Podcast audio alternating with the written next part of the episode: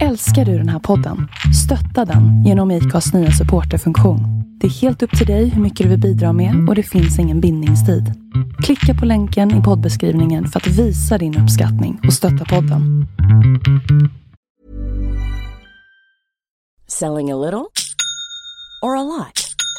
Shopify helps you do your thing however you cha-ching. Shopify is the global commerce platform that helps you sell at every stage of your business. From the launch your online shop stage to the first real life store stage, all the way to the did we just hit a million orders stage.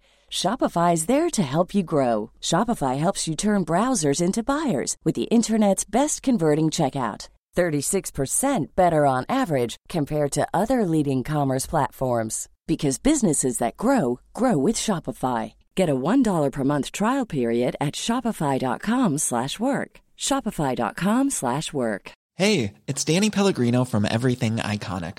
Ready to upgrade your style game without blowing your budget? Check out Quince. They've got all the good stuff, shirts and polos, activewear and fine leather goods, all at 50 to 80% less than other high-end brands.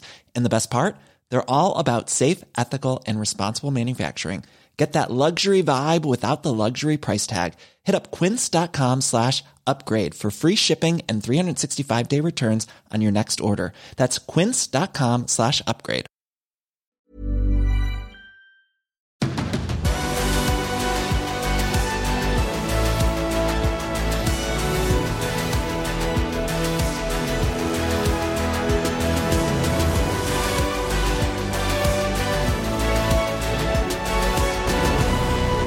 Välkommen! Det är dags för en eh, matig MotoGP-podd, minst sagt.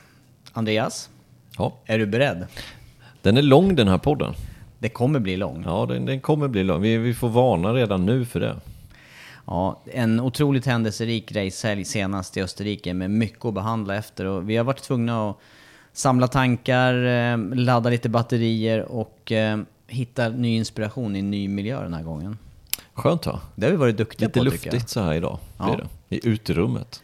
Uterum med lite värme och eh, mys och... Eh, mm, vi, ja, ja, det känns bra för mig. Eh, vi har en hel del att gå igenom som sagt va? Vi har plus och minus. Vi har eh, det stora samtalsämnet, kraschen. Eh, den krasch där, eh, framförallt då i MotoGP, där det kunde gått riktigt illa för Yamahas fabriksförare. Sen har vi dessutom då en eh, intervju som du har lyckats få till med Johan Stigefelt. Eh, tekniksnack kopplat till eh, läget i mästerskapet och för framförallt då eh, Yamaha som haft en hel del problem. Kontraktsfråga. Där blir det framförallt Andrea Dovizioso och Ducati. Vad tar de vägen? Och sen också de senaste uppdateringarna när det gäller kalendern och lite kort inför kommande racehelg också. Så det är, det är några rubriker som du har Andreas. Du, det tog nästan en minut att bara gå igenom den där. Vad kallar man det? Ingressen? Ja, exakt. Det börjar likna de här eh, Aktuellt-sändningarna som aldrig kommer till... Ja, aldrig kommit till skott. Nej. Och så nu tar vi... Och, nu, och lite senare kommer det här. Ja, exakt. Ja. Ja. Och sen kommer det... När man, de har redan glömt bort att det kommer. Ja, vi ska försöka hålla ihop det i alla fall. Och eh, det känns faktiskt som att det är läge att dra igång direkt, eller vad säger du? Kör på. Vad Ja. börjar vi med? Vi börjar tycker jag med det här med plus och minus. För att eh, det, vi, vi måste få med oss några bestående intryck ifrån racehelgen. Ja, bara tre dagar sedan alltså, sen senaste racehelgen. Så att det är hyfsat färskt i minnet. Ja. Onsdag kväll spelar vi in detta förresten. Det kan vara bra att säga det. Det Om det nu vara. händer någonting innan podden kommer ut. Mm, sant. Jag har i alla fall en klar, en klar eh, rubrik på plussidan och det är Andrea Dovizioso. Han, eh, han vinner igen.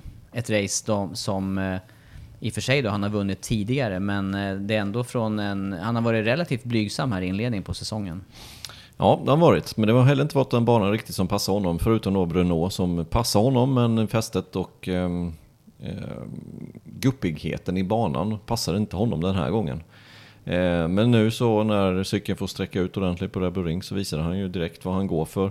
Eh, den nya konstruktionen på däcket som man använt under hela säsongen hittills, den använder man inte nu den här gången utan nu var det en annorlunda eh, stomme, annorlunda gummi som man använder, mer likt det man använde förra året. Och jag tyckte vi såg det direkt. Det stämde för Dovizioso. Det som var eh, anmärkningsvärt också var att det stämde ju minst lika bra i omstarten. Och det, det såg vi flera av konkurrenterna som, som fick lite andra förutsättningar där. Så att eh, det, rakt igenom under hela Eh, racedagen så stämde det för Dovizioso. Ja, det gjorde det.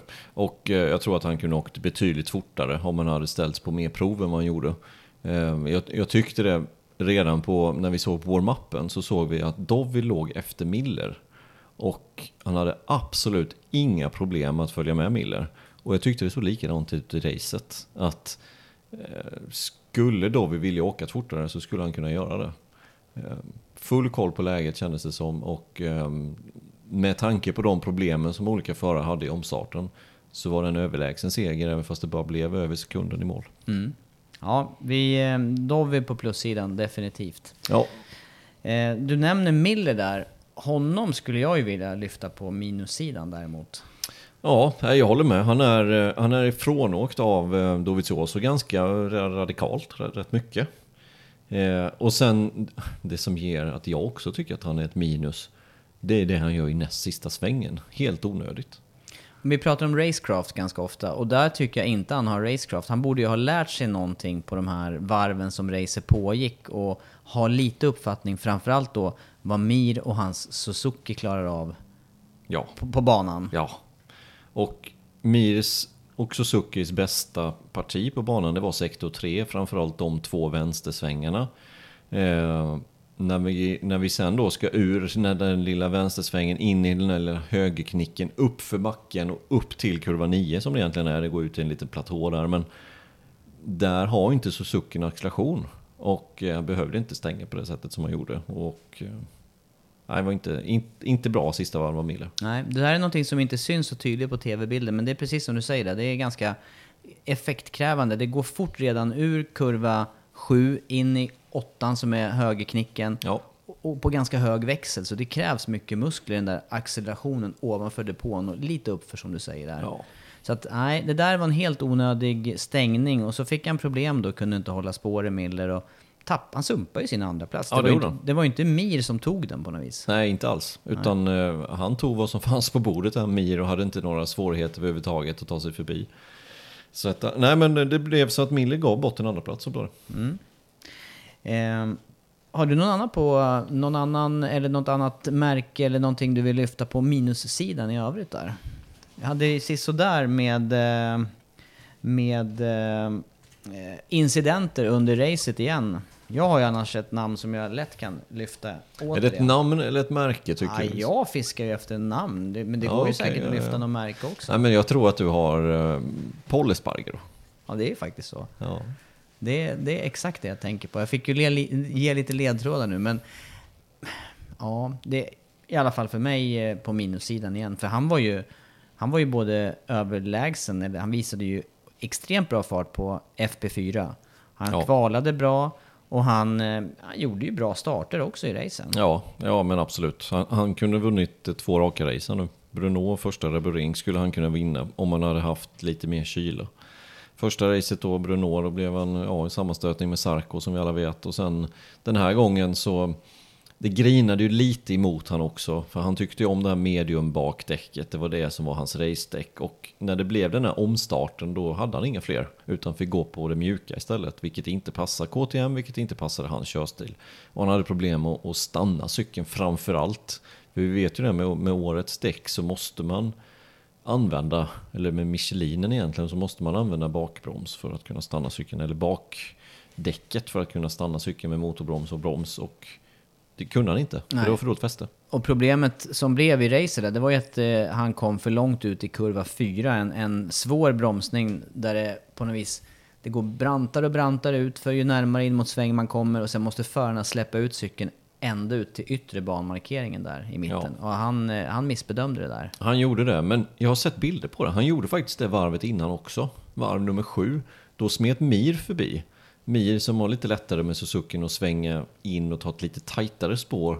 Den här gången just varv åtta, då var det Oliveira istället som också driftade ut till slut och de körde ihop de där två och så båda kraschade. Men han kör lite yvigt Paul Esparger och bjuder lite in till de här sakerna. För det var som vi, vi sa i förra veckans podd också, just det här med Sarko i Bruno, att jag också tittat på det flera gånger. Och Vi tyckte att han bromsade på sig. Ja, om man jämför med dem bakom. Då menar du Paul Espargaro nu? Paul Spargo, ja. Mm. ja. Så jag Nej, nej, nej, du sa, du, jag ville bara återknyta så att det inte blev Sarko där. Utan Nej, det, är, det är exakt. Paul Espargaro som gled ut lite grann, Ja, tyckte vi. exakt. Och då tyckte vi det. Men, men det känns som att det är nästan hans vanliga spår att göra på det här sättet. Ganska vida ingångar och sen tajta till i slutet. Det är så han vill köra KTM, uppenbarligen. Sen bromsar han på sig lite här nu ändå på grund av däcken som vi var inne på. Men i race-situation är det inte så bra att köra så. Nej, för då, då finns ju... Och där blev det ju...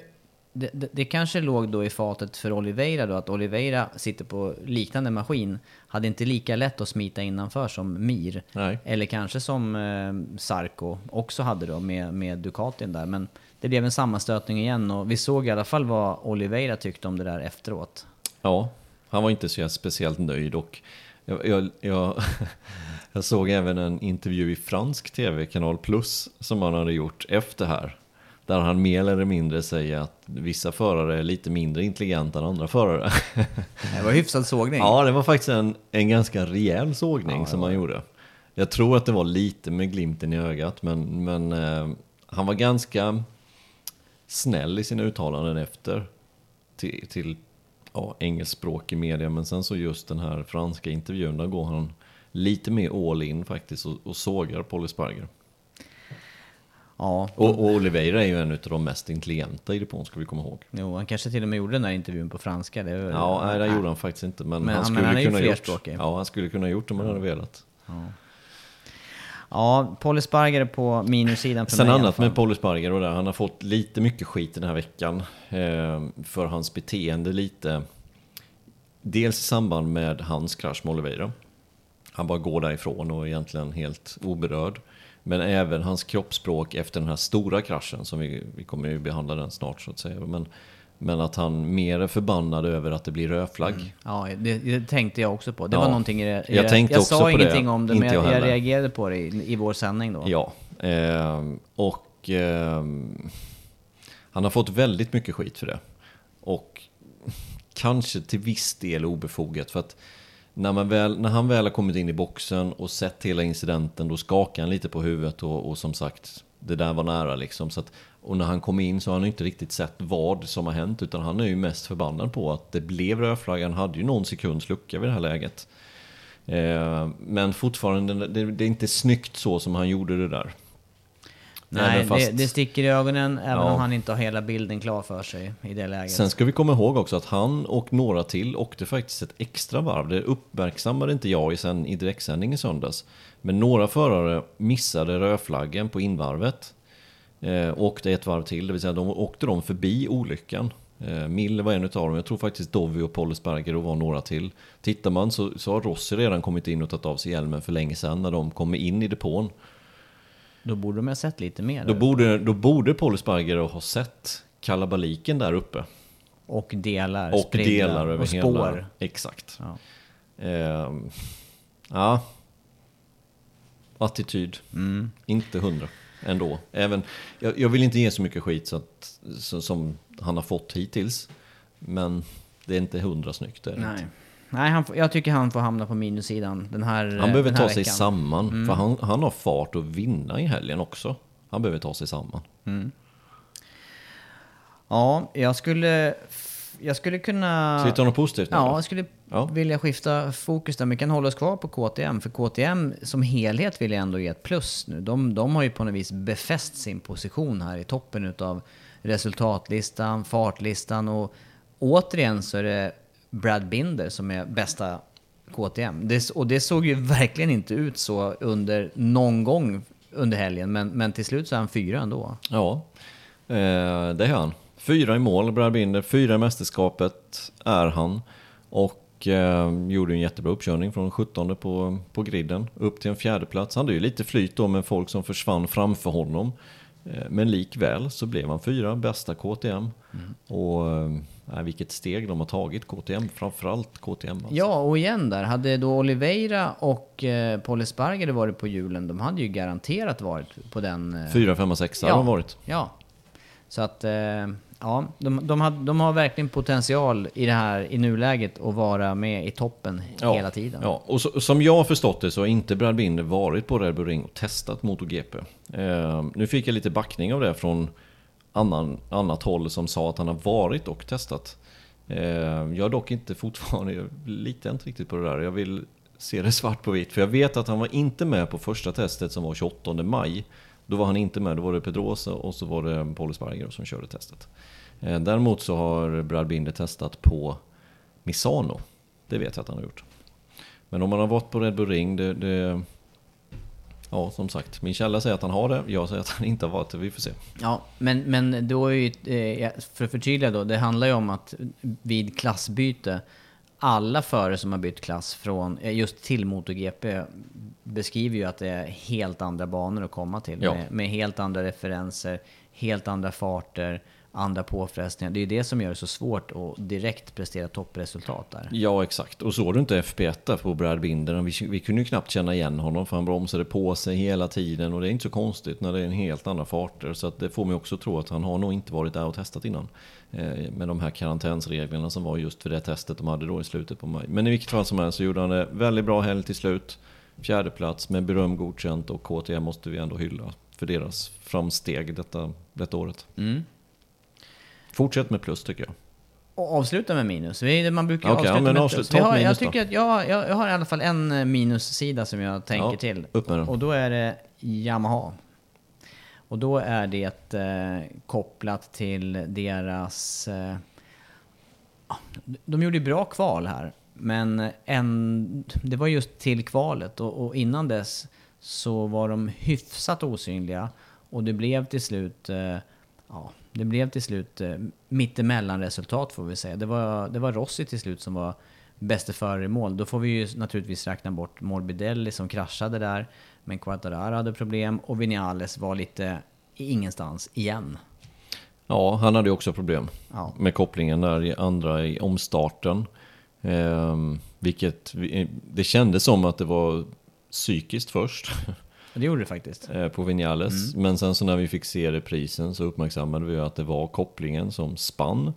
eh, Eller som slirade. Eh, Tydligen så hämtade den sig efter tre varv. Han kunde då köra upp sig åtminstone då några placeringar. Slutade tio till slut. Men för någon som låg tvåa i mästerskapet så klart att det blir tio då. Det är ju inte bra.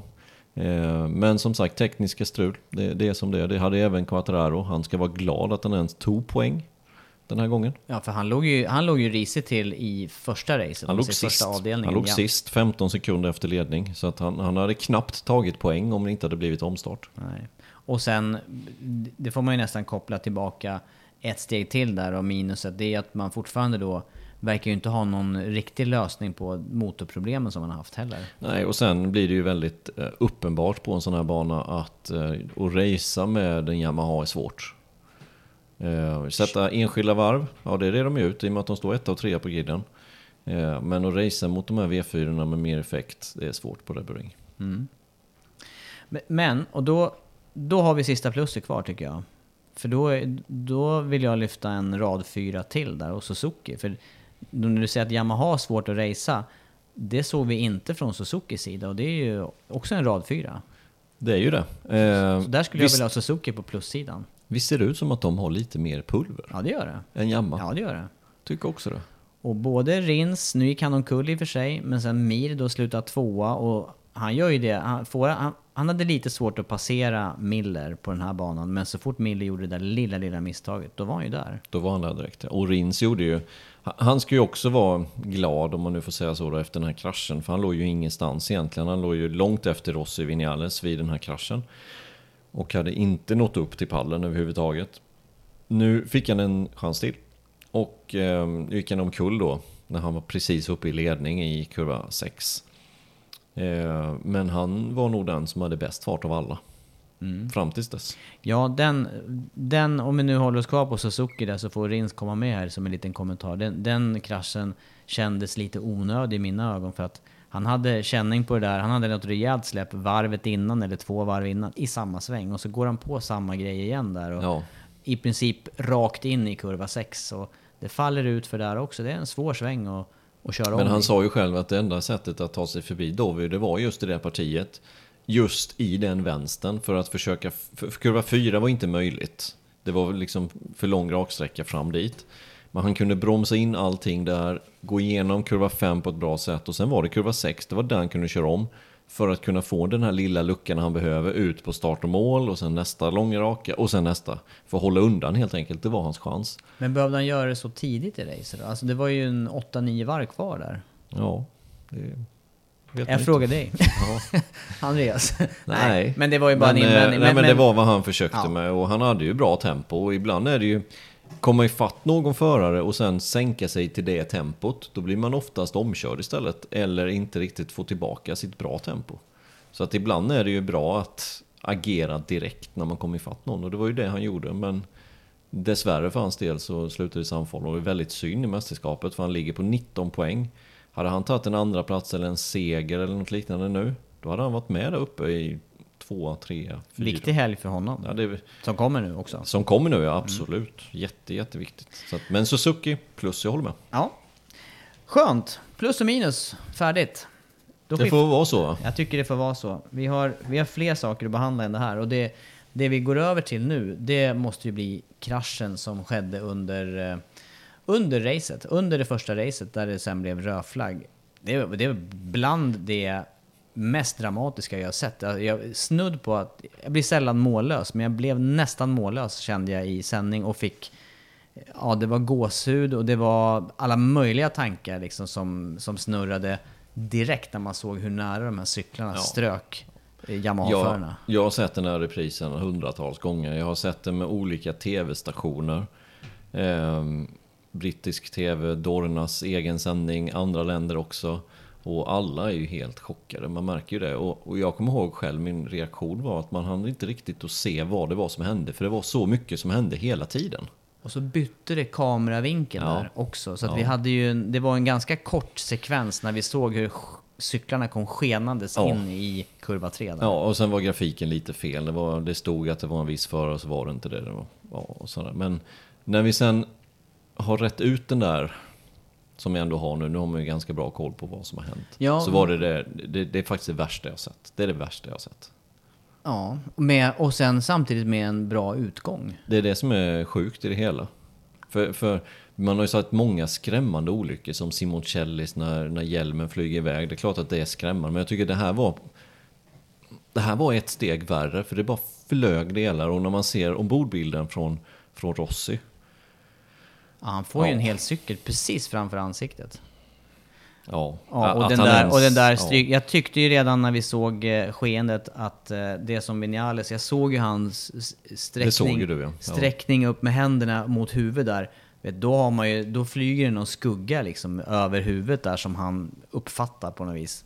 Men, men tillbaka till, de, de flesta Steg som lyssnar har ju sett det. Varför sker den här kraschen överhuvudtaget? Ja, det är, det är ju många anledningar. Dels hur banan ser ut. Eh, det är en liten vänsterknick. Eh, och det har ju pratats om det här egentligen sen... Den här svängen har ju pratats om sen, sen banan kom tillbaka på kalendern 2016. Men det har mest pratats om avåkningszonen i slutet, det vill säga på utsidan med att det, det är asfalt hela vägen. Det har pratats om hur det ser ut på vänster sida. I och med att det kan inträffa sånt som både Marquez och eh, framförallt Jack Miller, det släppet som de fick på Le Mans för några år sedan. När det släpper då i, i vänsterknicken, nu är det höger då på Le Mans, men i detta fallet om det släpper till vänster och sen får det tillbaka fästet, då är det lätt att man försvinner in till vänster. Mugello för länge Mugello, sedan. exakt. Med Marcus också. Ja. Ehm, det är det som har pratats om och den muren till vänster har man då flyttat ut. Och, och det är det man har sett som den stora risken när man går på bromsen helt enkelt, låser framhjulet och sen Få tillbaka för att man försvinner in till vänster. Sen har det även pratats om knicken att avåkningszonen är lite för liten till höger. Och sen givetvis då det som hände nu, det har också snackats om, men inte lika mycket som de andra sakerna. Eh, men det har snackats om. Och ehm, ja, det, det var lite... Sarko kör ju, han kom in i slipstreamingen på Morbidelli, går förbi ganska enkelt, ganska tidigt på rakan. Eh, och sen tar han ju den här knicken ganska långt till vänster. Eh, och automatiskt så driftar han lite ut. Nu säger han själv, och tittar man på bilder så ser man att det normala spåret för Ducati-cyklarna, framförallt för Miller men även för Sarko, är ganska långt ut till höger i banans färdriktning blir det ju. Miller såg vi flera gånger var den som ritade långa svarta Ja. streck i mitten av banan nästan. Ja, eh, men med faktorn då att han tar sig förbi, Morbidelli är där. Morbidelli kommer liksom in i hans turbulens bakom. Eh, vilket gör då att när Morbidelli försöker bromsa så får han inte samma bromsverkan och sen så kör de ihop helt enkelt. Men kan man då prata om någon som är skyldig i det här? För att jag menar, våran, våran jag vet inte om det var våran första reaktion, men, men det är klart att man reagerar. Vi har sett sådana här typer av bromsningar. Både du och jag vet ju vad svårt det är att, att ändra riktning för Morbidelli i det här läget. Han kan ju inte egentligen göra någonting. Han har ju redan... Han kan varken släppa ut cykeln vidare och han kan inte tajta till spåret heller för då måste han släppa bromsen. Jag vet inte hur han ska... Han kan inte agera på något annat sätt. Medan Nej. Sarko är den som ändå äger situationen i det här Ja, läget. exakt så är det. Sarko äger situationen. Jag, jag tycker inte man kan säga så här, men det är dens fel att det här hände. Utan det är en, en kombination av faktorer att det här hände. Sen tyckte jag Rossi, han gick ut med ett socialt media-inlägg igår var det väl. Eh, där han liksom manade lite till lugn, att vi, det gör ingenting och alla måste komma säkra härifrån på något sätt. Eh, och jag tycker att det är lite optimistiskt det som Sarko gör. Han gör ingenting galet, jag håller med om det. Eh, Men han tar inte riktigt hänsyn till situationen. För det går i 310 km timmen, vi måste komma ihåg det. Men sen Ja. tycker jag inte att det är hans fel heller. Det, det är en kombination av saker. Banan. Den ska vi inte glömma bort. Och, och som du säger här då, säkerheten har lyfts och också kopplat till regn och då blir det inte heller riktigt samma det, det blir inte samma ske. Har man gått omkull i regn där, då har man oftast gått av tidigare. Och säkert då så räcker både den här uppsamlingsytan till där med åt höger eh, och förarna kana på ett annat sätt också. Men vi såg ju faktiskt här på torrt nu, det var ju Sarko som kanade ända upp till Apex nästan. Ja, det gjorde han. Han hade ju lika gärna kunnat kanat in i kommande motorcyklar där. Ja. Så, så även om det inte går fort så hade han också kunnat vara en av de som passerade banan. Men, men just eh, säkerheten där, den, den borde ju, eftersom förarna har lyft den så många gånger så kan jag ju tycka att den borde man ju verkligen ta på allvar i det här läget. ja, Eller inför, ja, både inför kommande helg nu men, men även att det, ja, det har funnits några år att agera.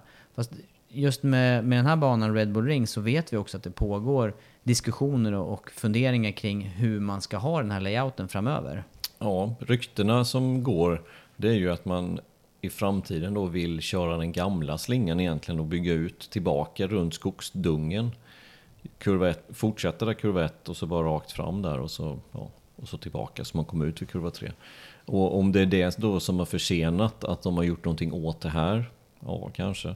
Ehm, för annars så måste man nog göra någonting åt just det här. Tycker jag i alla fall. Det är lite, det bjuder in till lite för farligt. Ja men det är samma, egentligen är det samma med kurva 1. Den, är- eller inte, det är inte samma men det är också en riskfylld kurva. Det här att eh, utgången är indragen liksom, att banan, det som då tidigare var grusfålla, det möter ju förarna i utgången där. Så de måste ju både tajta till spåret, samtidigt som ingen vill ju pruta på gasen eftersom att det är sån lång acceleration där. Kanske hade varit bättre om vi nu, nu tar vi kurva 1 här, nu blir det lite Skifta lite spretigt. fokus, men, men där kunde man ju göra kanske en lite snällare radie på det hela. För åker man på en highsider då, då åker man ju oftast ut i samfållan. I detta läget när man då tajtar åt och kommer tillbaka, alltså mer än 90 grader. Eller mindre än 90 grader. ehm, då blir det ju automatiskt så att man ligger nästan mitt i banan. Men, Men, men, säkerheten, just den här... säkerheten går ju att påverka i alla fall där uppe. Det måste ju gå Ja. att förändra. Antingen att man eh, helt enkelt gör som någon, en, en tajtare vänstersväng innan man går in i högen. Eh, Eller att man eh, förlänger högen så att den kommer längre bort. Ett alternativ. Det finns, det finns ju några alternativ. Och Red Bull har väl pengar att göra det om de verkligen vill. Men frågan är då vad de verkligen vill. Ja. Ja, det, är, en- det är en olycklig olycka. Ja, det är det. Och det går ändå inte att låta bli att fascineras över hur förarna, och då tänker jag främst på Rossi där som ändå gör ett schysst andra race. Hur han lyckas samla ihop sig, för det var inte lång tid mellan kraschen tills de stod på startgriden igen och kör. Nej. Nej, hur även- lyckas nej, han, han, även- såg ju, han såg ju halv... Han var ju likblek när han kom in där och tog Ja. av sig hjälmen. Han var 41. Man såg att han var 41. Då såg man åldern. Det syntes faktiskt. Nej men även Vinales, alltså Vinales, vi ska komma ihåg det att det är inte bara Rossi som var grymt nära, det var lika nära för Vinales. Och Vinales fick dessutom Sarkos hoj rätt över huvudet. Ja, men det, jag tänker att Men- Rossi såg lite mer Ja, av situationen i, i live. Han, han kanske, eh, frågan är, trodde han ens såg Morbidelli cykel? Jag är tveksam Det är liksom, det bara blinkar till och så kommer den där i 240 km i timmen eller något liknande, flyger förbi. På längden. Alltså det var ju Ja. precis den Ja, luckan de hade ju, jag måste ändå, nu, nu hade de ju jättetur att de inte tog i, självklart. Men de hade ändå lite otur att Morbidellis hoj, den la sig precis i gräskanten. Så det hade inte spelat någon roll om man hade lekakulor eller om man hade någon annan typ av sandfålla som fångar upp cykeln på ett bättre sätt än vad grus gör. För den här gick i, i gräset, precis vid bankanten. Ehm, och, och det måste ju vara, det, det stoppar ju inte farten någonting överhuvudtaget. Medan Sarkos hoj, den gick ju upprätt dessutom. Ja. Och det är ju bara, det är ju bara flyt det också, att inte den går en meter till vänster. För då hade den ju T-bonat Oliveira eller någon annan i, i tätklungan, topp fem. Upprätt. Nu gick den då precis, precis i muren. Och flög över Vinales. ja, det var precis just. Det var, Nej, det var många precis. Ja, det var många precis. Det var inte bara en. Men eh, lite oflyt, självklart. Med just Morbidellis hoj tänker jag på det här. Den kunde ju lika väl försvunnit ut Ja. lite till i sanden. Men eh, Nej, det, var, det var så många precis och nära så att... Eh, ja, jag läste någon amerikansk sida där att... Att då, då sa de någonting om att Gud måste älska Rossi lite till. Och det var ju inte bara Rossi i och för sig det här, men alla egentligen inblandade var ju... Ja, det var, det var så nära, nära, nära. jag läste något annat att eh, vilket startnummer har Rossi? 46. Och vilket startnummer har Vinales? Ställer du mig bara för det? Jaha. Nej, men eh, vänta nu, han skift... Eh, 12? Ja, och vad blir 46 plus 12? 58? Där har du vem som vakade över dem Ja. i söndags. Ja, titta. Det går att hitta någonting. Med siffror. Simoncelli alltså. Ja. Eh, mm, men det här då i alla fall, vad, vad, ja, som slutkläm på den här kraschen då. Vad är den, både du och jag har ju kört tävlingar och, och sett och varit med om eh, grejer. Vad, vad, vad, hur hade du tänkt, tror du, i den här situationen? Eller Ja. efter? Nej. Nej. Alltså det, det här tog flera dygn för mig innan jag ens hann och smältade lite. Eh, Men hade jag fortfarande varit aktiv så hade det inträffat mig det som hände Rossi. Jag tror inte jag hade kört en meter till. Jag hade inte kört om starten, inte en chans. Jag är lite inne på din linje där. Och det är framförallt också, och, ur Rossis perspektiv med hans, eh, med hans år i mästerskapet. Ja, Då, exakt. då är det ju, då är lutar det åt samma för mig där. Ja, ja.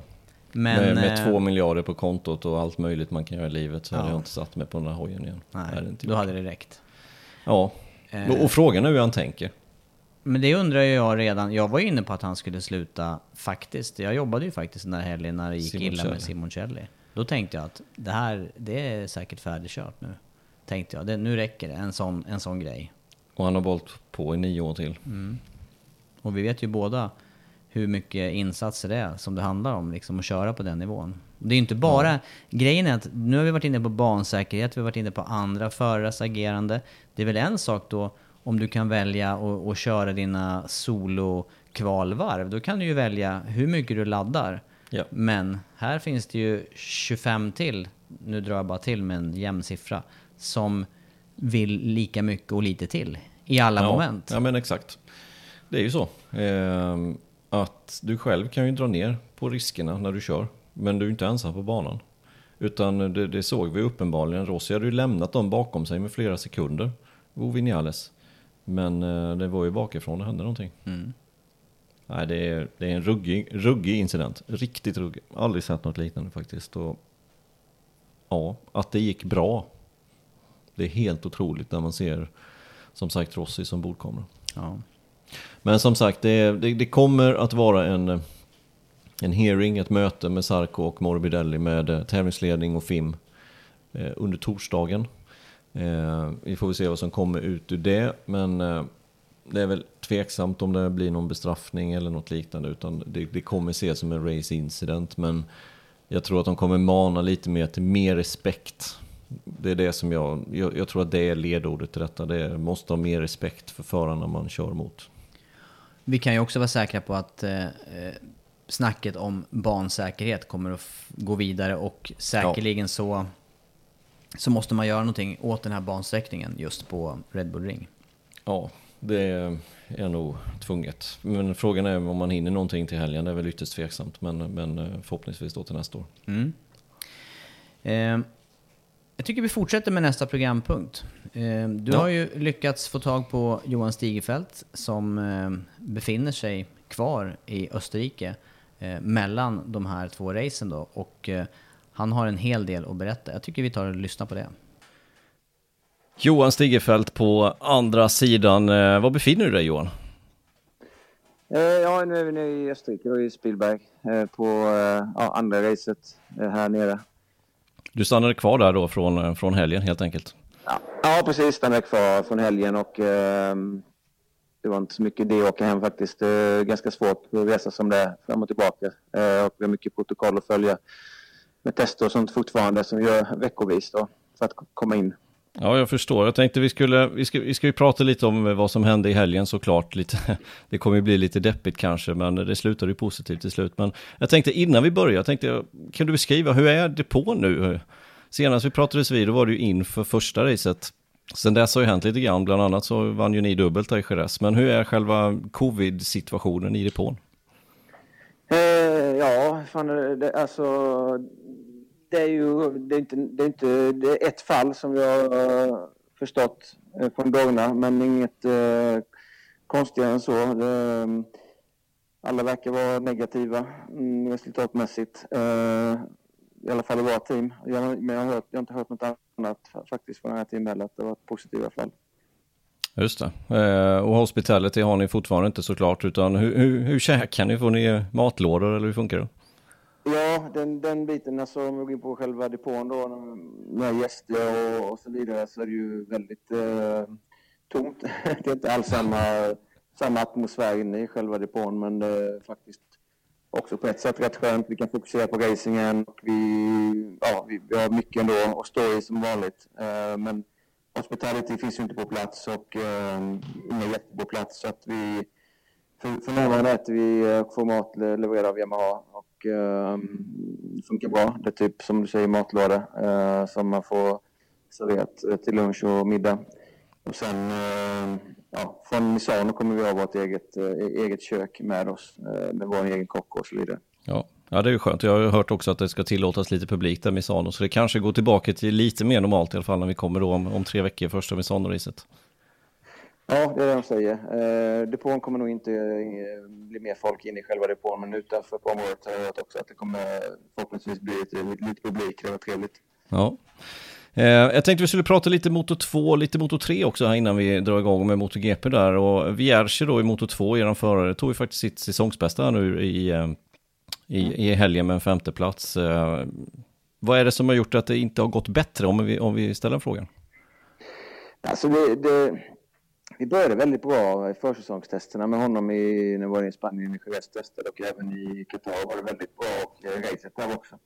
Positivt eh, helg om man säger i Qatar och ända fram till racet, sista fyra, fem varven där hans framdäck tog slut helt och hållet och sen men det var väl det vi tog, tyck, tyckte då och trodde att det var det som var problemet. Men sen när vi kom till Jerez eh, och började här i juli så hade vi väldigt mycket strul att få upp tempo och eh, komma tillbaka där vi avslutade helt enkelt. Eh, och sen har det varit en uppförsbacke till, till nu, helt enkelt till, till race, racet i sig då i förra helgen. Eh, jag vet inte riktigt, eh, vi vet inte riktigt varför det blev som det blev. Det lite beror kanske på Dunlops nya framdäck i motor 2 som inte eh, passar alla förarna. Sen körs till ganska mycket och får anpassa sig. Um, men vi tror vi har hittat, eh, vi fick ett litet genombrott här nu då. Jag tror vi vet vägen här, eh, framåt. Ja, vad, är det som skiljer på det där framdäcket? För vi har hört det, vi, vi har ju sett också på resultaten från Lytti bland annat som var trea förra året i mästerskapet. Han är ju i stort sett ingenstans i år. Nej, det är en profil på det. Eh, sen är det ju som, som vi vet om Dunlop-däck generellt är det inget bra fäste, varken för den mjuka blandningen eller den hårda blandningen. Eh, men profilen är ju, annorlunda nu då mot att vara var och som man säger, man ska göra det lätt för att vara lite spetsigare innan, lite, nu lite mer runt, större, större liksom, runt, ja, runt liksom, så att det blir det blir lite annat in, in i svängen. Det där det, där det skiljer liksom. Det där det, man, man får vara lite mer försiktig nu. Man kan inte attackera som man gjort innan.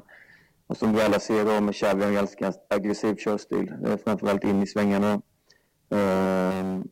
Det där vi måste ja, jobba med helt enkelt. Men eh, då följer inte bara det här med liksom fjädring och chassi utan mycket med elektroniken, få till det så att motorbromsfunktionerna funkar bra och så vidare eh, elektroniskt sett och eh, med det kan vi hjälpa honom. Det är där vi jobbat mycket på nu och eh, ja, faktiskt eh, tagit hjälp av hela teamet, eh, MotoGP-sidan också och hjälp, hjälp med, med Motor 2 där.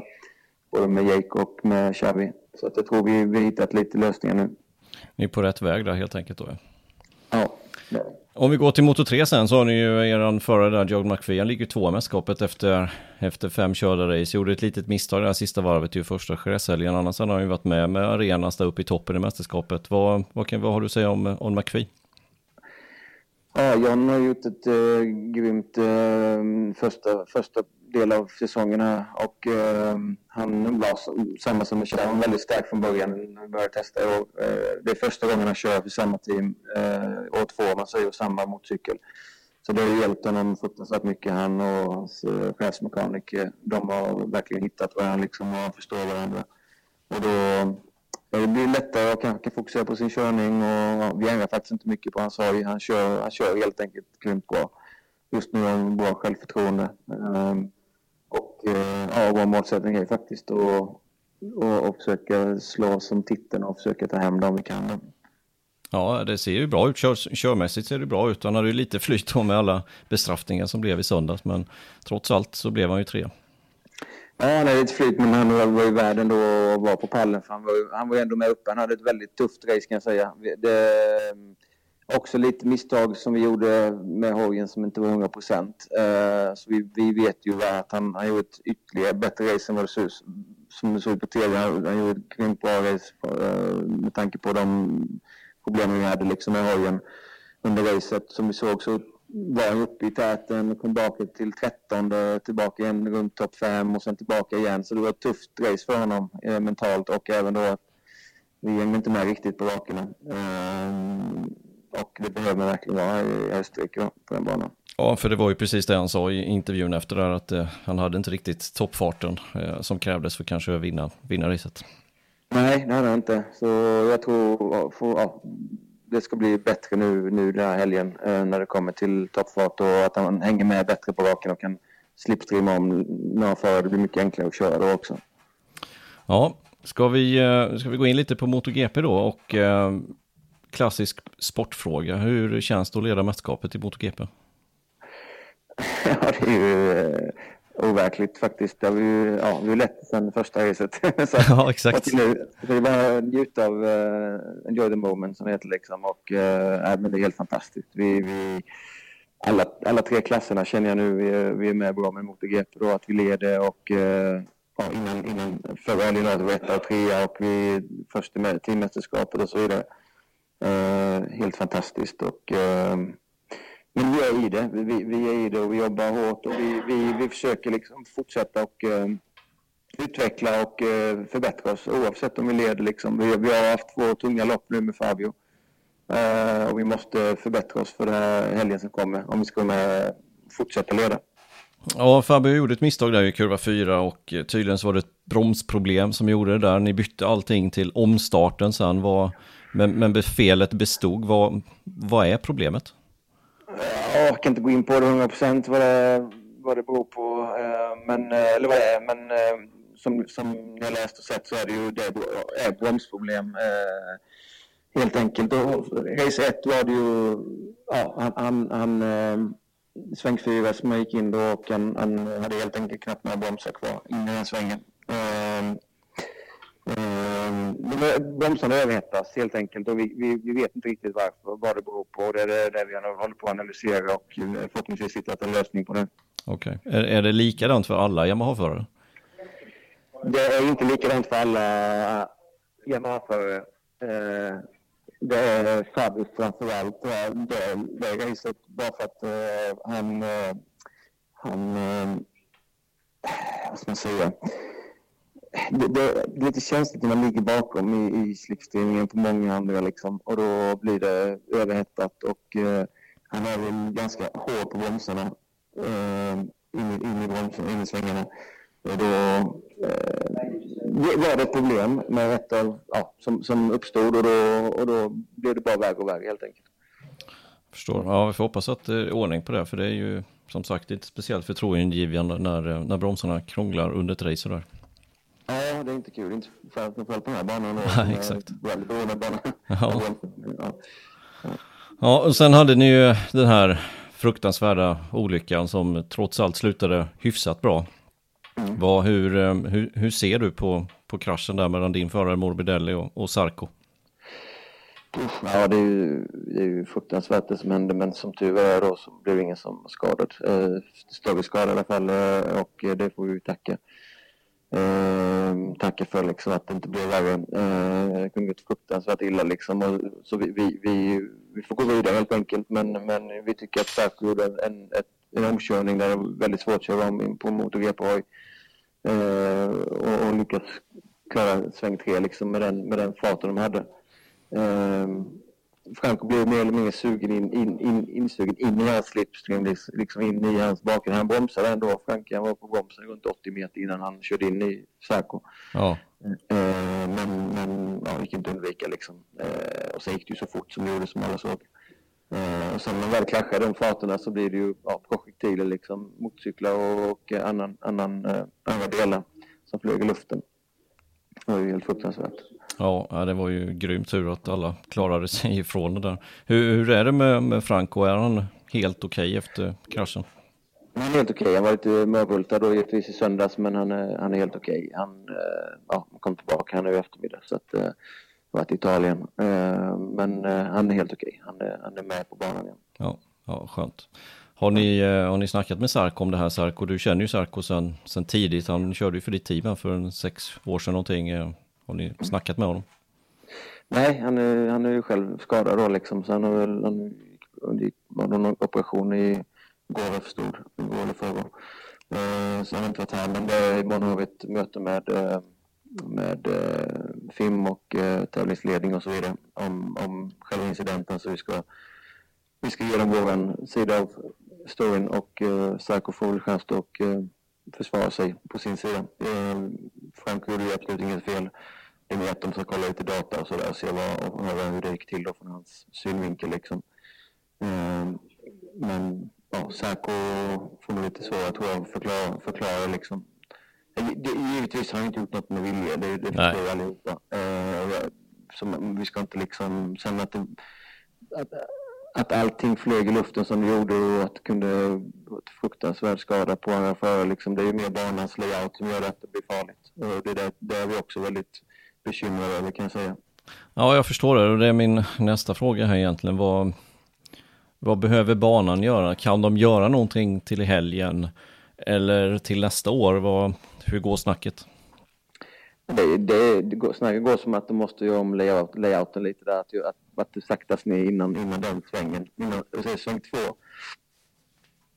När man säger sväng två där, liksom, precis innan det hände, att, den, att det blir en skarpare sväng helt enkelt, man måste sakta ner och att det blir som en, kanske som en stor chikan istället på något vis. Mm. Eh, det är det vi har snackat om och, och, och pratat om, eh, som skulle kunna hjälpa det då. Eh, sen om de är sugna på att göra det eller inte här, det vet vi inte. Men just nu så är det, det, är en farlig, det är en farlig sväng helt enkelt. Ja, kommer det ske någonting till helgen? Kommer man göra någon åtgärd? Jag tänker på inbyggd chikan, jag tänker på konstant gul flagg eller något liknande. Nej, inte vad jag har hört. Inte vad jag har hört. Kanske imorgon att vi får reda på något mer, men inte vad jag har hört nu. Nej. Nej, det är bara att hoppas att eh, det här aldrig kommer inträffa igen där. För nästa gång så är det ju stor risk att man inte har samma tur som vi hade i söndags. Ja, precis. Ja. Jag tänkte en sak till som jag hade på listan här som jag frågade dig om. Eh, Yamaha verkar ju ha lite bekymmer med motorer. Hur, eh, hur, hur ligger motorsidan till? Eh, för, för vår del med Fabio så vi, ligger vi bra till. Vi har inga, vi har inga bekymmer eller inga... Eh, ja, vi var oroliga givetvis i, i och, eh, och eh, även här då. Eh, där liksom. Och, ja, det är någonting som Yamaha helt enkelt får lösa det är inget jag vill gå in på just nu. Eh, givetvis har vi diskussion med Yamaha men det, det är deras bekymmer om man säger som motleverantör till oss eh, att lösa liksom. Sen ser jag vi, vad vi har för allocation kvar med Fabio och med Frankie. Fabio ser rätt bra ut. Eh, Fa- Frankie har förlorat en motor som vi alla vet. Eh, så att eh, det handlar ju om de, de plombade eller inte. Vissa motorer har vi gjort plombat och vissa har vi inte gjort det med liksom. Eh, och nu eh, håller Yamaha på att försöka få till stånd ett, ett, ett byte av den här delen som måste bytas ut. Just det. Ja, hur, eh, hur hur gick det med Francos motor här efter den här kraschen? Kan han behålla den eller är den borta? Ja, det var väl det enda som var helt egentligen i motorn och en annan grej, viktig grej på hojen. Ja. resten, resten fick gå till, tillbaka till eh, ja, Japan. Ja. Ja. Men, men, ni som ett, eh, ändå ett privatteam i det här, satellitteam till Yamaha, jag antar att inte ni har gratis reservdelar. Vad, går det att säga vad en sån här krasch kostar? Alltså vi, vi, har, vi har en bil med Yamaha som, eh, ja, som inkluderar vissa grejer. Men uff, en, sån här, en sån här krasch kostar eh, alltså ofantliga pengar. Om man ska räkna på det liksom så är det eh, ja, fler, många miljoner. Ja. ja, du behöver inte säga mer så, det, Nej, det är nej, tillräckligt det- mycket pengar. Ja, ja det, är, mycket. Ja, Eh, Grabben håller på att bygga ihop en hoja idag så att eh, de, de har fått, eh, ja, de har snart byggt ihop eh, en, en ny hoj till den. Så att, eh, ja, det, det är okej. Ma- Malle har varit eh, väldigt upptagen i, med del, i del, delarna och, eh, och på lager och hitta och få fram alla delar som behövs. Jag fattar, mycket att göra. Ja. Vad, eh, sista frågan, då, vad, hur, eh, hur ser det ut inför helgen tror du? Vad, vad är målet och vad, vad kan vi förvänta oss av, eh, av både Fabio och Franco? Som vi vet är det ju en tuff helg, eller en tuff bana för oss eh, och vi får, vi, men vi måste göra bättre helt enkelt. Framförallt med Fabio som, eh, som måste upp runt fjärde, femte plats eh, i alla fall och för, förhoppningsvis kunna slåss om podium.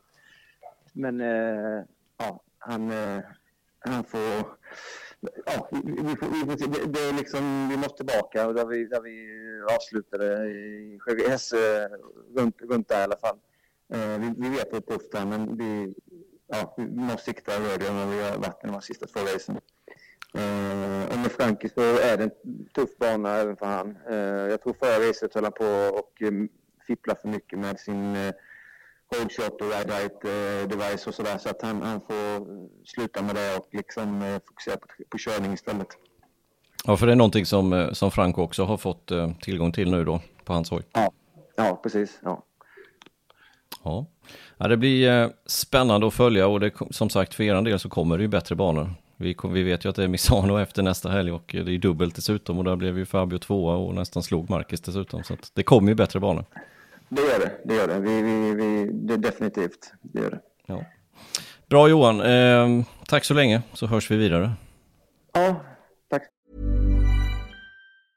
Ready to pop the question? The jewelers at BlueNile.com have got sparkle down to a science with beautiful lab grown diamonds worthy of your most brilliant moments. Their lab grown diamonds are independently graded and guaranteed identical to natural diamonds, and they're ready to ship to your door. Go to BlueNile.com and use promo code LISTEN to get $50 off your purchase of $500 or more. That's code LISTEN at BlueNile.com for $50 off. BlueNile.com code LISTEN. Hiring for your small business? If you're not looking for professionals on LinkedIn, you're looking in the wrong place. That's like looking for your car keys in a fish tank. LinkedIn helps you hire professionals you can't find anywhere else, even those who aren't actively searching for a new job but might be open to the perfect role. In a given month, over 70% of LinkedIn users don't even visit other leading job sites. So start looking in the right place. With LinkedIn, you can hire professionals like a professional. Post your free job on linkedin.com slash achieve today. Hold up. What was that? Boring. No flavor. That was as bad as those leftovers you ate all week. Kiki Palmer here, and it's time to say hello to something fresh and guilt-free. Hello Fresh. Jazz up dinner with pecan-crusted chicken or garlic butter shrimp scampi. Now that's music to my mouth. Hello Fresh. Let's get this dinner party started. Discover all the delicious possibilities at hellofresh.com. Ja. Ja, det var alltså Johan Stigefeldts eh, syn på bland annat den här stora kraschen då och eh, även eh, lite information och funderingar kring eh, teknikproblem som framförallt Yamaha har haft här. Och teknikproblem har ju gällt olika saker. Det har ju bland annat då gällt bromsarna för Quartararo, men det vi såg först under säsongen var ju motorerna. Där. Jag vet inte var du vill börja Andreas, för det är du som har det, Ja. det är väl du som får anses vara mm, teknikexpert i den här duon, det måste jag, det måste jag säga. Jag måste först och främst be om ursäkt för uh, ljudkvaliteten med Johan. Det var alltså ett vanligt telefonsamtal som vi spelade in och eh, det var lite svajig mottagning emellanåt där i Österrike verkar det som. Han kanske satt i någon eh, källare långt ner. Jag har hört att det... Eller på sitt kontor i trailern kanske. Så kan det vara. Tjocka väggar. Mm. Ja. Men du, eh, det här med Yamahas motorer, det kan ju bli riktigt allvarligt. Vad, Ja. vad är läget där egentligen? Vi får nästan ta det från början igen. Eh, Det känns som att jag har gjort det varje gång, men det, det, man måste ju få med sig vad som har hänt för att förstå det som komma skall. Och I år har man alltså fem motorer som man får bruka. Det gäller för de st- fyra stora fabrikaten. Eh, KTM Aprilia, de har sju motorer fortfarande. Eh, fem motorer alltså, och de motorerna som användes i Jerez, de är inte använda sedan dess. Första racehelgen i Jerez. Sedan dess har man nya motorer. Eh, Morbidelli och Rossi, de sköt ju en varsin motor där. Eh, Vinales tog också bort en motor efter bara tredje friträningen. Eh, så de är en motor kort. Tack och lov då för, för Morbidelli så var, verkar den här motorn nu som han kraschade med senast, den verkar ju vara okej. Det måste ju vara stort plus för hans del. Annars, Ja. hade, det varit, annars hade han legat riktigt Då risigt har han till. haft tre motorer kvar. Eh, Men den verkar vara okej den där motorn. Eh, Och det de har sagt från officiellt håll det är att det är en, eh, en avgastempsensor som är problemet. Och vi hade ju tillfälle att prata med våran, eh, våran vän Neil Spalding som också har skrivit den här boken Mo- MotoGP Technology. Eh, rekommenderas starkt att köpa den boken, finns på hans hemsida som är just motogptechnology.com.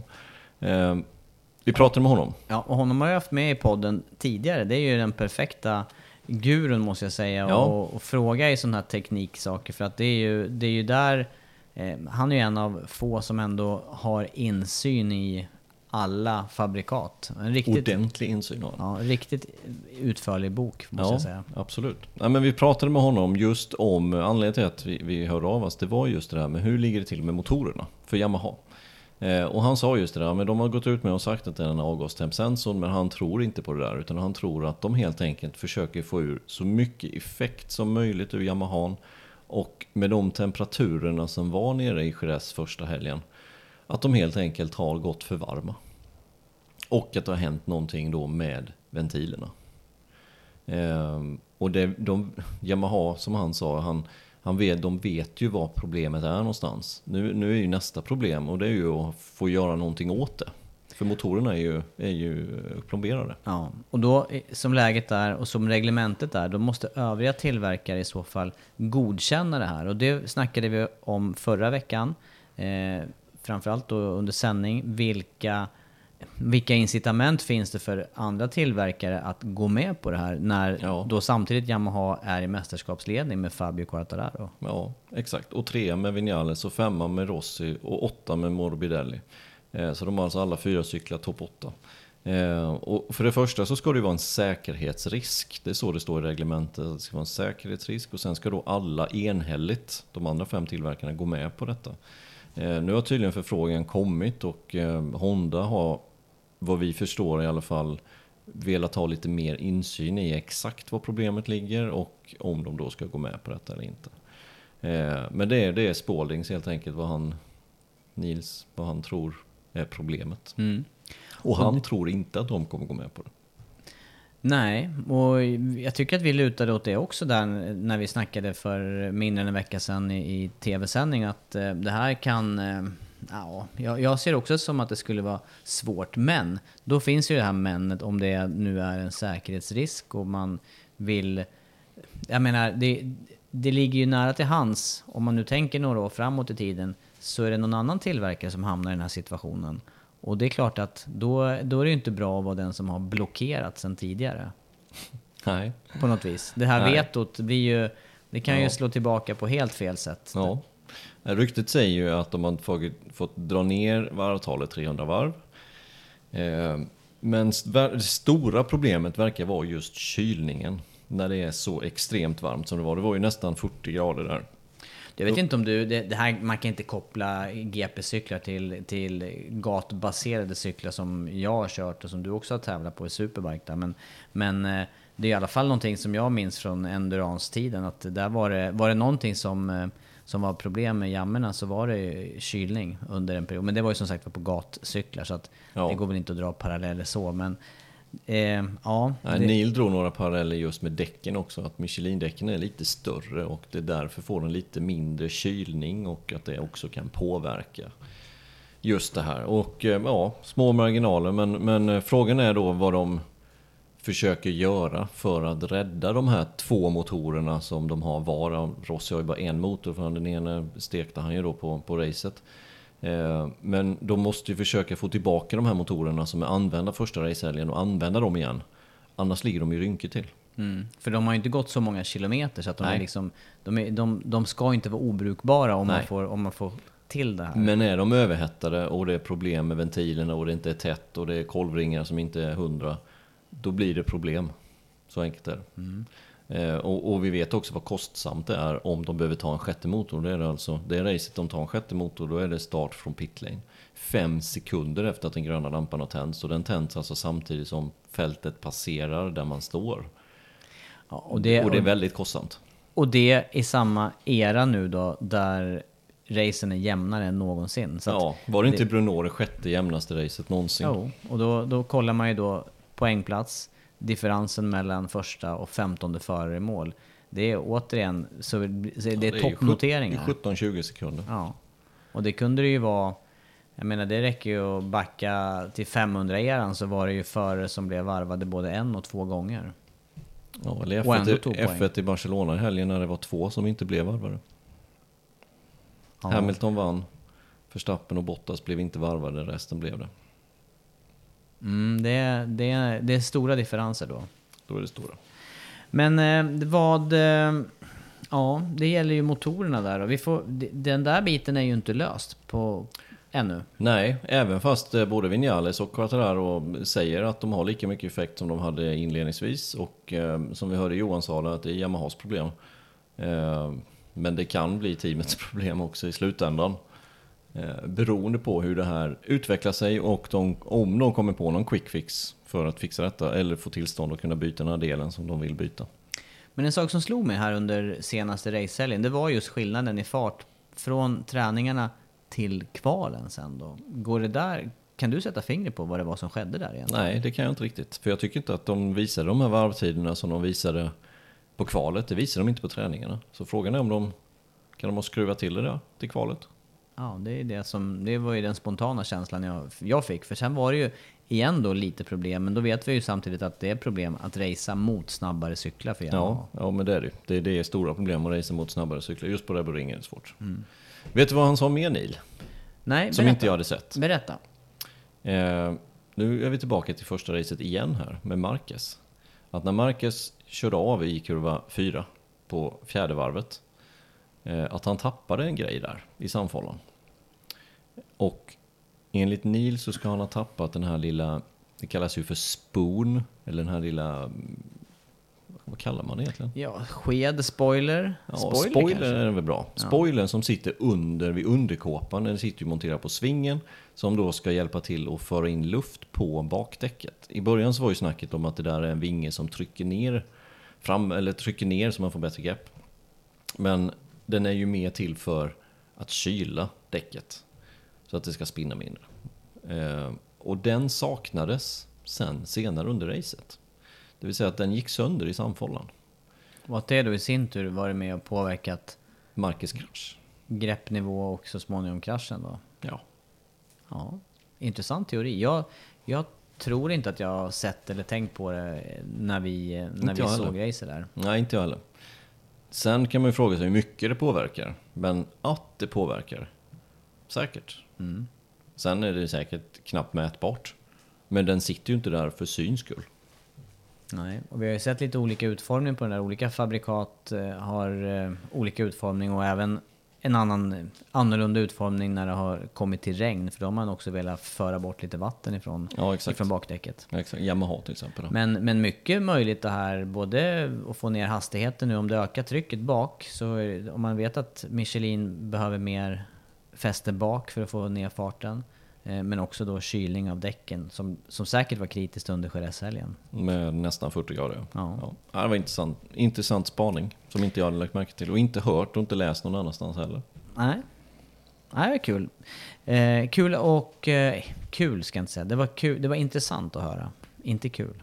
För att eh, följden blev inte kul. Nej. Det, det gör att Mark Marquez saknas i Ska vi i ta lite mästerskapet. honom också? Att han saknas fortfarande, kommer inte köra helgen. Ehm, vad jag vet så har de inte gått ut med att de siktar att han ska köra Misano. Jag antar att de siktar på det, men de har inte gått ut med det. Jag såg en bild när han tittade på racet här. Han satt i soffan hemma och tittade på racet. Då såg hans arm och var bandagerad hela armen. Från hand alltså, från handled hela vägen upp. Det såg inget bra ut. Det är ändå ett tag sedan nu. Och vi kommer ihåg hur, hur det såg ut när han kom till depån två dagar senare. Då var det knappt ett litet plåster. Visst, armen var blå, men det var bara ett plåster. Nu var det alltså helbandagerat hela armen.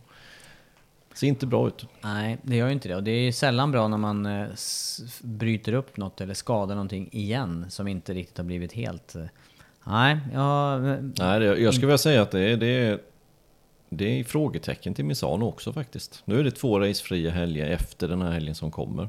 Men det är, det är frågetecken fortfarande.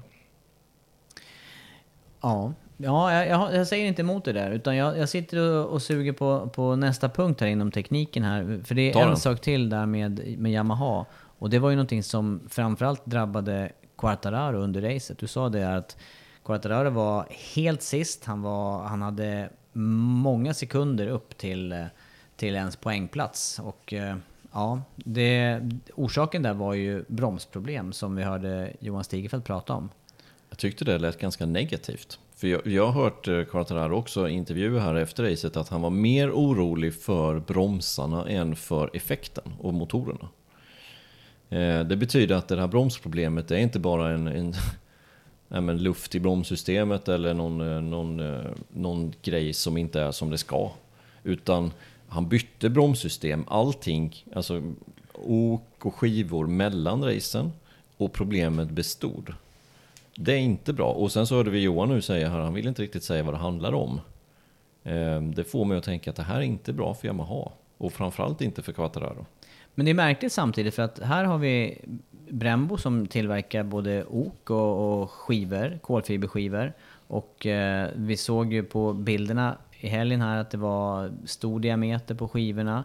Det, var, det finns ju även olika massa, alltså olika tjocka skivor som man använder här. Och, och samtidigt använder, jag tror att till och med alla använder de Ja. här, den här utrustningen.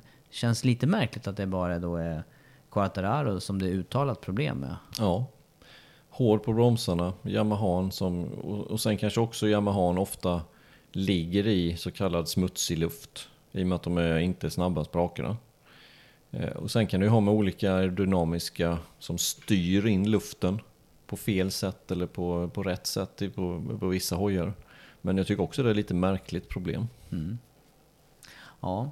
Eh, I vilket fall så, så är det ju eh, en stor påverkan för föraren. Är man inte riktigt säker på att få stopp, då bromsar man ju inte som det senaste man kan. Nej, och det var ju som Quartararo sa, det kändes som kopplings, kopplingssidan egentligen. Och det, det, är ju, det vill man inte vara med om som förare.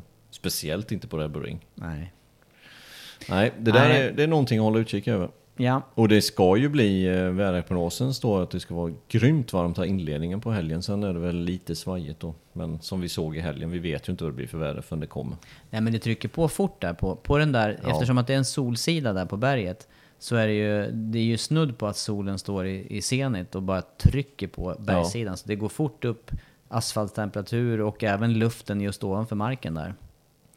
Ja, eh, det blir intressant att se hur eh, det här utvecklas för eh, Yamaha då framförallt som verkar vara i, i svåraste läget just nu Ja, på tekniksidan.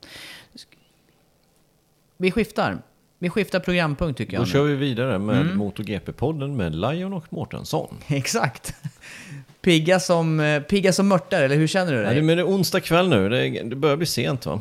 Ja, vi kör. Kontraktssidan skulle jag vilja behandla också. Oj, oj, oj, det är ytterligare en ganska mastig punkt. Ja, men måste den vara så mastig? Du har ju, men det var, ett, det, var, det var en tung nyhet som eh, kom mitt under förra racehelgen här och den rörde ju Andrea Dovizioso. Berätta vad som Ja. hände där. Eh, nej men hans manager då, Simone Battistella, tillkännagav att eh, han kommer inte köra Ducati nästa år. Tagit det här beslutet. Ett, eh, det har nog varit på gång ett tag, verkar det som. Ehm, och eh, han väljer alltså att kliva av Ducati nu då efter åtta år som det kommer vara efter den här säsongen har gått. Det blev ganska... Jag blev eh, lite paff faktiskt att man väljer att lägga den här nyheten eller presentera den här nyheten mitt under en racehelg. Samtidigt så såg ju Dovizioso på något vis avslappnad, lugn och fokuserad ut på sin uppgift vidare där under helgen. Ja, det gjorde han. Kanske Och- han hade, det det, kanske han hade gjort ändå. Ja, men det betyder också att det här beslutet var ingenting som man tog lördags morse, utan det här är ju ett... Det har ju varit på gång en längre tid och jag tyckte när vi fick se i, i fredags när, när eh, Tardozzi gick ut till Simon, eller ja, till Simon Crayfar. Crayfar i, i pitlane där att att ödet kommer bestämmas efter Red Bull Ring-helgerna. Och så, så skrev de det på Twitter och sen så såg då Dovizioso detta i live-tv. Ehm, och han skrattade bara egentligen. För att det, då hade kommit till det där läget att Dovi vet det och han sa det sen också att är det någon som kommer bestämma mitt öde så är det inte Tarozzi. Nej.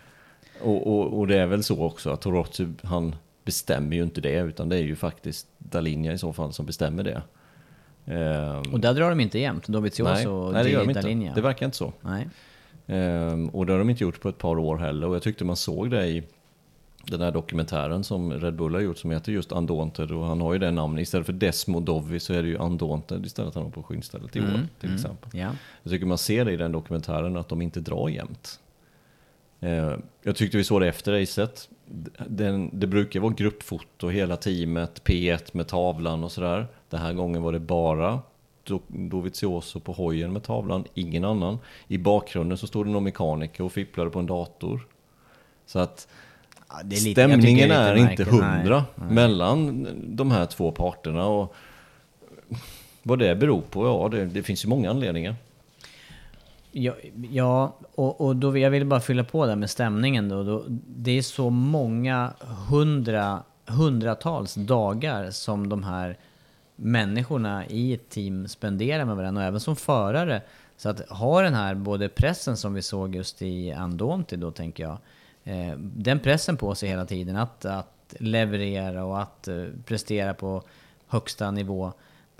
Det är inte lätt att bara göra för sig själv. Då måste du på något vis ha en, en teamkänsla, en grupptillhörighet och där alla också lyfter varandra för att det, för att det ska nå hela vägen. Och Ja. Dovi ligger ju där i närheten. Han har ju varit tvåa nu tre år i rad i mästerskapet. Det, det, Ja, det, det är förståeligt att, eh, att det blir slitningar till, eller att, att han avslutar, väljer att avsluta. Men vad finns det då för anledningar då? Ska vi, ska vi ta vad vi tror här då? Jag, jag tror ju att Dovi har ju eftersökt en cykel som svänger bättre. Inte mer effekt. Eh, inte mer vingar, utan en hoj som svänger bättre. Det har han sagt i flera år. Eh, men inte riktigt fått det. Det tror jag är en anledning, att de lyssnar inte riktigt på vad Dovi säger. Hur mycket påverkade Lorenzos inhopp i Ducati eh, Dovis eh, sits eller Dovis status hos Ducati då? För Ja, att det låter ju som det är att ju nästa sak. det låter ju lite som att Ducati nästan skulle i teorin vara villiga att ta tillbaka Lorenzo. Ja. Och det är nog för att de tror inte att Dovi riktigt kan vinna ett mästerskap åt dem. De tycker nog att de har levererat en hoj som är som, kan, som, som har kapacitet att vinna VM och speciellt då kanske för två år sedan. Ehm, men det, det gjorde de inte. Men när Lorenzo kom där och vann de här tre racen i över, övertygande stil och var bättre just i de racen åtminstone än vad Dovi var till Lorenzo skadade sig så kanske Dovi då, eller som Ducati insåg att med rätt förare så skulle vi kunna ha vunnit det här mästerskapet. Och därför lyssnar de inte riktigt på Dovi och Dovi får inte den uppskattningen som han ville ha från början. Och samtidigt vet vi att det här långa utvecklingsarbetet, jag menar Dovi har kört hos Ducati i, var det åttonde säsongen nu? Ja, Det, han ligger ju bakom mycket av det som hojen eh, gör idag. ja Alltså hans återkoppling till absolut. fabriken. Och sen just det där med lön. Eh, jag tror att det är mindre viktigt för Dovi. För, för han har fått gå ner i lön den här säsongen som egentligen alla andra just med, med Corona och Covid-19. Eh, Men de hann ju inte ens till snacket om pengar till nästkommande säsong. Utan det, jag tror att det här handlar om att de drar inte jämnt 100%. Um, mycket sådana... Jag, jag, tror det, det, jag tror det är signif- signifikativt. Mm. Det är signifika- Nu är det signifikativt. Nu är det sent. Ja. Men just det som Tardozzi gick ut och sa till Crayfar att då var Tardozzi lite småpåv liksom, påve i det här. Och då vi bara skrattat åt det där och bara... Ja. Ja. Han, vill, han vill ta ödet i egna händer på något vis. I det här skedet. ja men det Alltså, känns som att alla ville göra det. Ja. Men i slutändan så var det ju Dovi som bestämde att jag Ja. vill inte vara med längre. Nej, jag menar att Dovizioso vill Ja. bestämma över sig själv. Men, men sätter det här... Eh, Ducat, gör Dovizioso det här i det här skedet för att han vill eh, på något vis eh, trycka till Ducati det sista han gör? Nej, jag tror inte det. Jag tror inte det.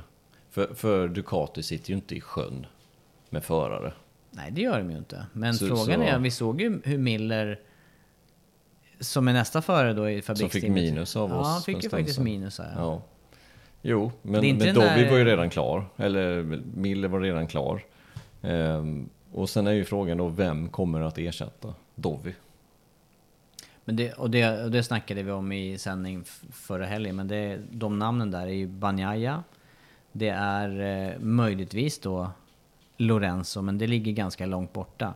Sen snackar vi Sarko också, kanske närmare än Lorenzo. Ja, Eh, kanske. Finns det flera namn att lyfta där? Nej, det gör det egentligen inte. Ehm, det finns ju Crutchlow med som inte har någonting klart till nästkommande säsong. Men han har redan varit hos Ducati och det är svårt att se att de skulle satsa på honom. Utan det är framförallt så är det ju Banjaya. Jag kan inte se någon annan eh, riktigt. Visst, de har Scott Redding också i Supermark-VM. Eh, men jag kan inte se att han ska ta klivet tillbaka eh, till Ducati MotoGP.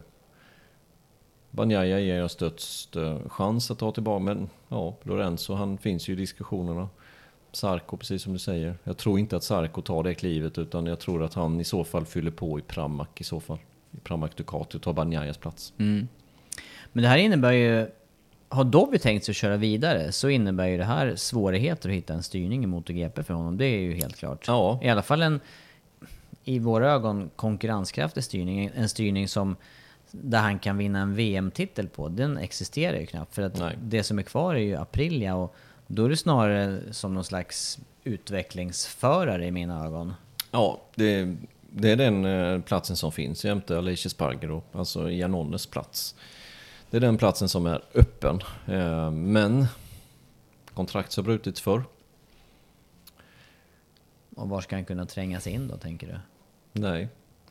Det, det som är mest, eh, som vi även lyfte i sändningen i helgen här. Det som, är, det som känns mest nära, det är KTM.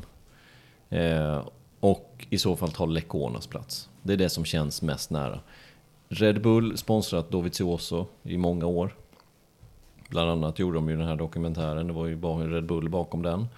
Eh, Red Bull huvudsponsor både till fabriksteamet i KTM och till eh, Tektra.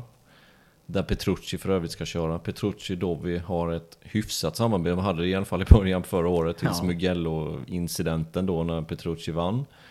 Ehm, jag tror att KTM skulle vara väldigt... Eh, de skulle kunna ta ytterligare ett kliv med Dovi som förare. Jag tror också det. Det hade varit hur bra som helst. Och jag tror inte Dovi är så dyr heller. Och jag tror att Red Bull skulle kunna lösa det.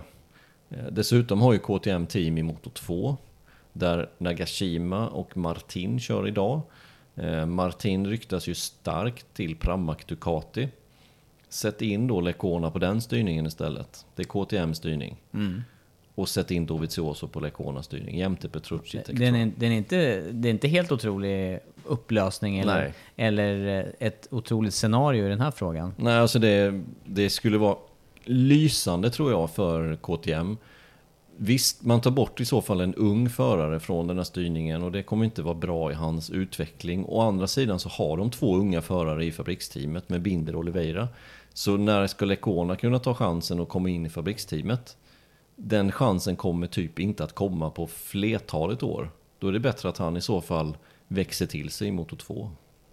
Ja, för sen kan det ju till och med vara så att Dovi, som har åkt massa säsonger, väljer att lägga ner efter ytterligare ett par år. Ja, och då kan Lecona komma in igen och sen i så fall fabriksteam. Men det är ju lite intressant att ha, som du säger, två unga förare i KTMs fabriksteam och sen två erfarna förare i det då som eh, i de flesta fall är lite utvecklingsteam eller Ja. juniorteam då, som Men- man kallade det förut. Det är ju inte riktigt det när det gäller KTM, för där, har ju, där ska ju alla fyra förare ha likvärdigt material rätt över, just för att öka på eh, utvecklingstakten. Eh, Så att, Och den försvinner ju lite grann. Eventuellt nu då med eh, och de här koncessionspoängen eller de här för, ja, fördelarna som, som, som, få, som KTM har. Ja. De riskerar ju att ryka här under säsongen med Ja, något eller ett par bra resultat till. de, eh, de kan ryka på söndag. Och då behövs ju det team då, Tektroa-teamet, eh, behövs ju ännu mer när det gäller data, utveckling och så vidare. För då kommer Pedrosas roll bli lite mindre, för då kan inte han testa lika mycket som han har gjort.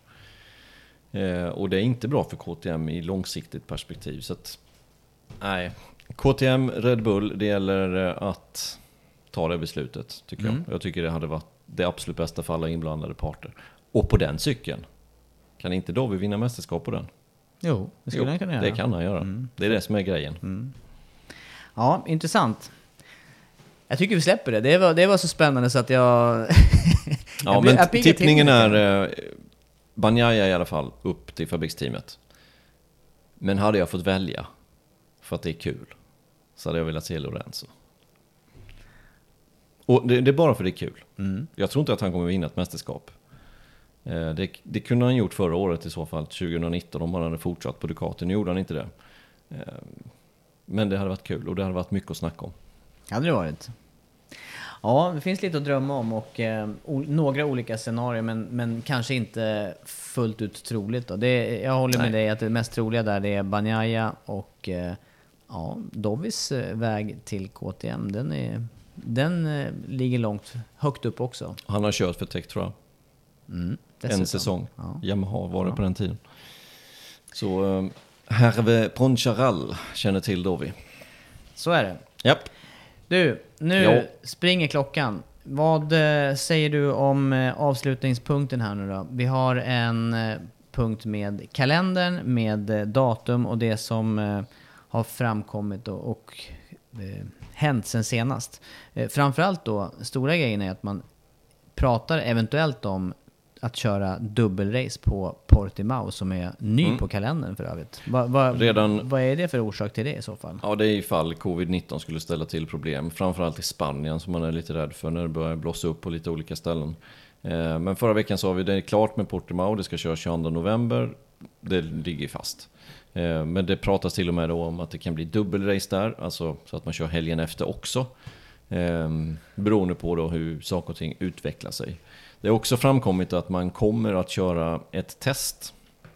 Dels kommer man köra ett test här nu under hösten med de ordinarie testförarna som kommer få köra på MotoGP-maskiner.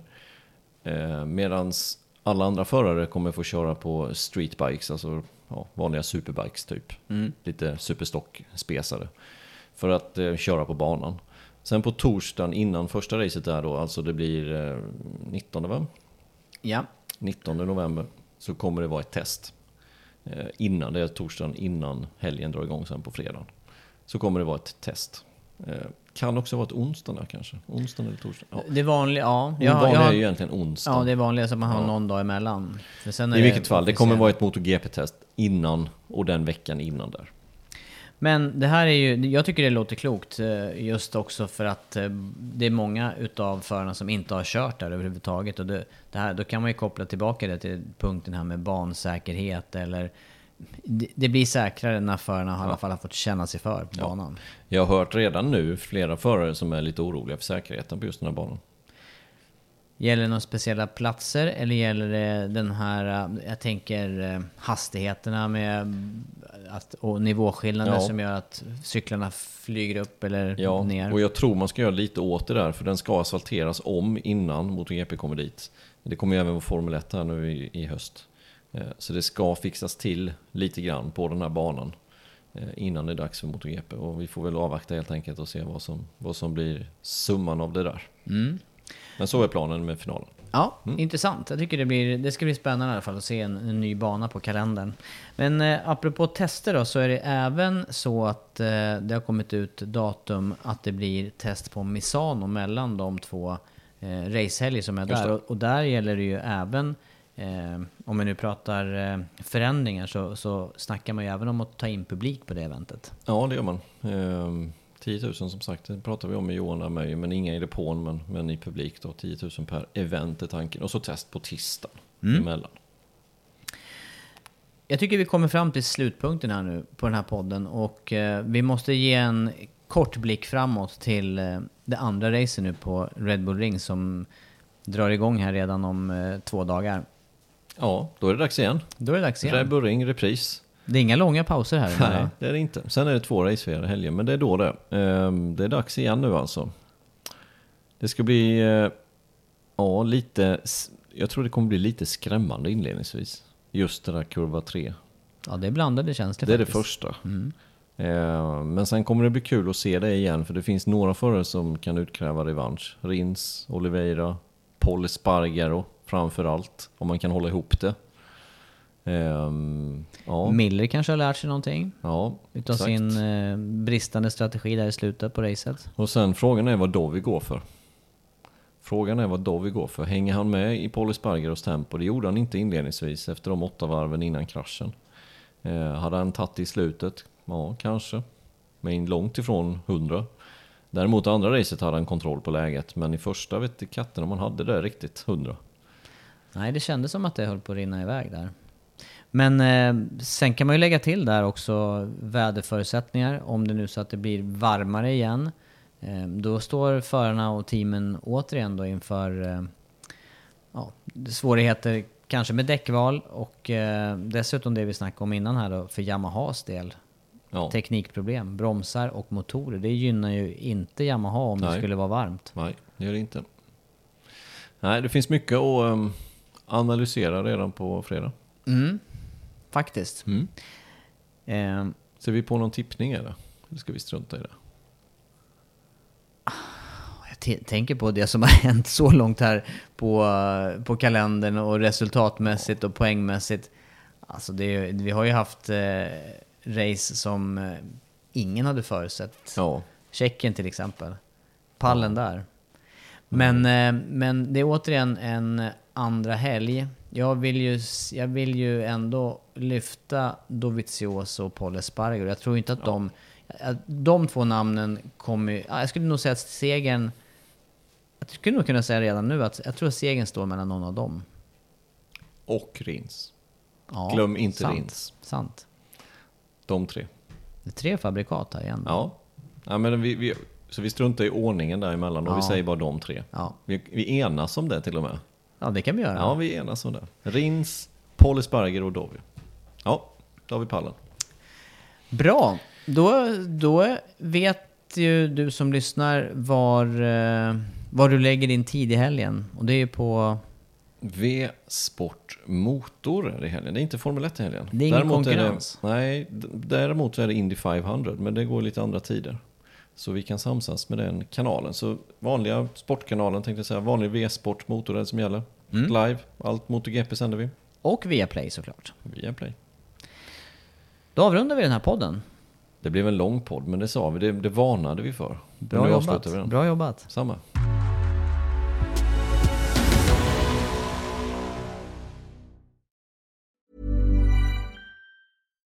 Hi, I'm Daniel, founder of Pretty Litter. Cats and cat owners deserve better than any old fashioned litter. That's why I teamed up with scientists and veterinarians to create Pretty Litter. Its innovative crystal formula has superior odor control and weighs up to 80% less than clay litter. Pretty Litter even monitors health by changing colors to help detect early signs of potential illness. It's the world's smartest kitty litter. Go to prettylitter.com and use code ACAST for 20% off your first order and a free cat toy. Terms and conditions apply. See site for details. Ever catch yourself eating the same flavorless dinner three days in a row?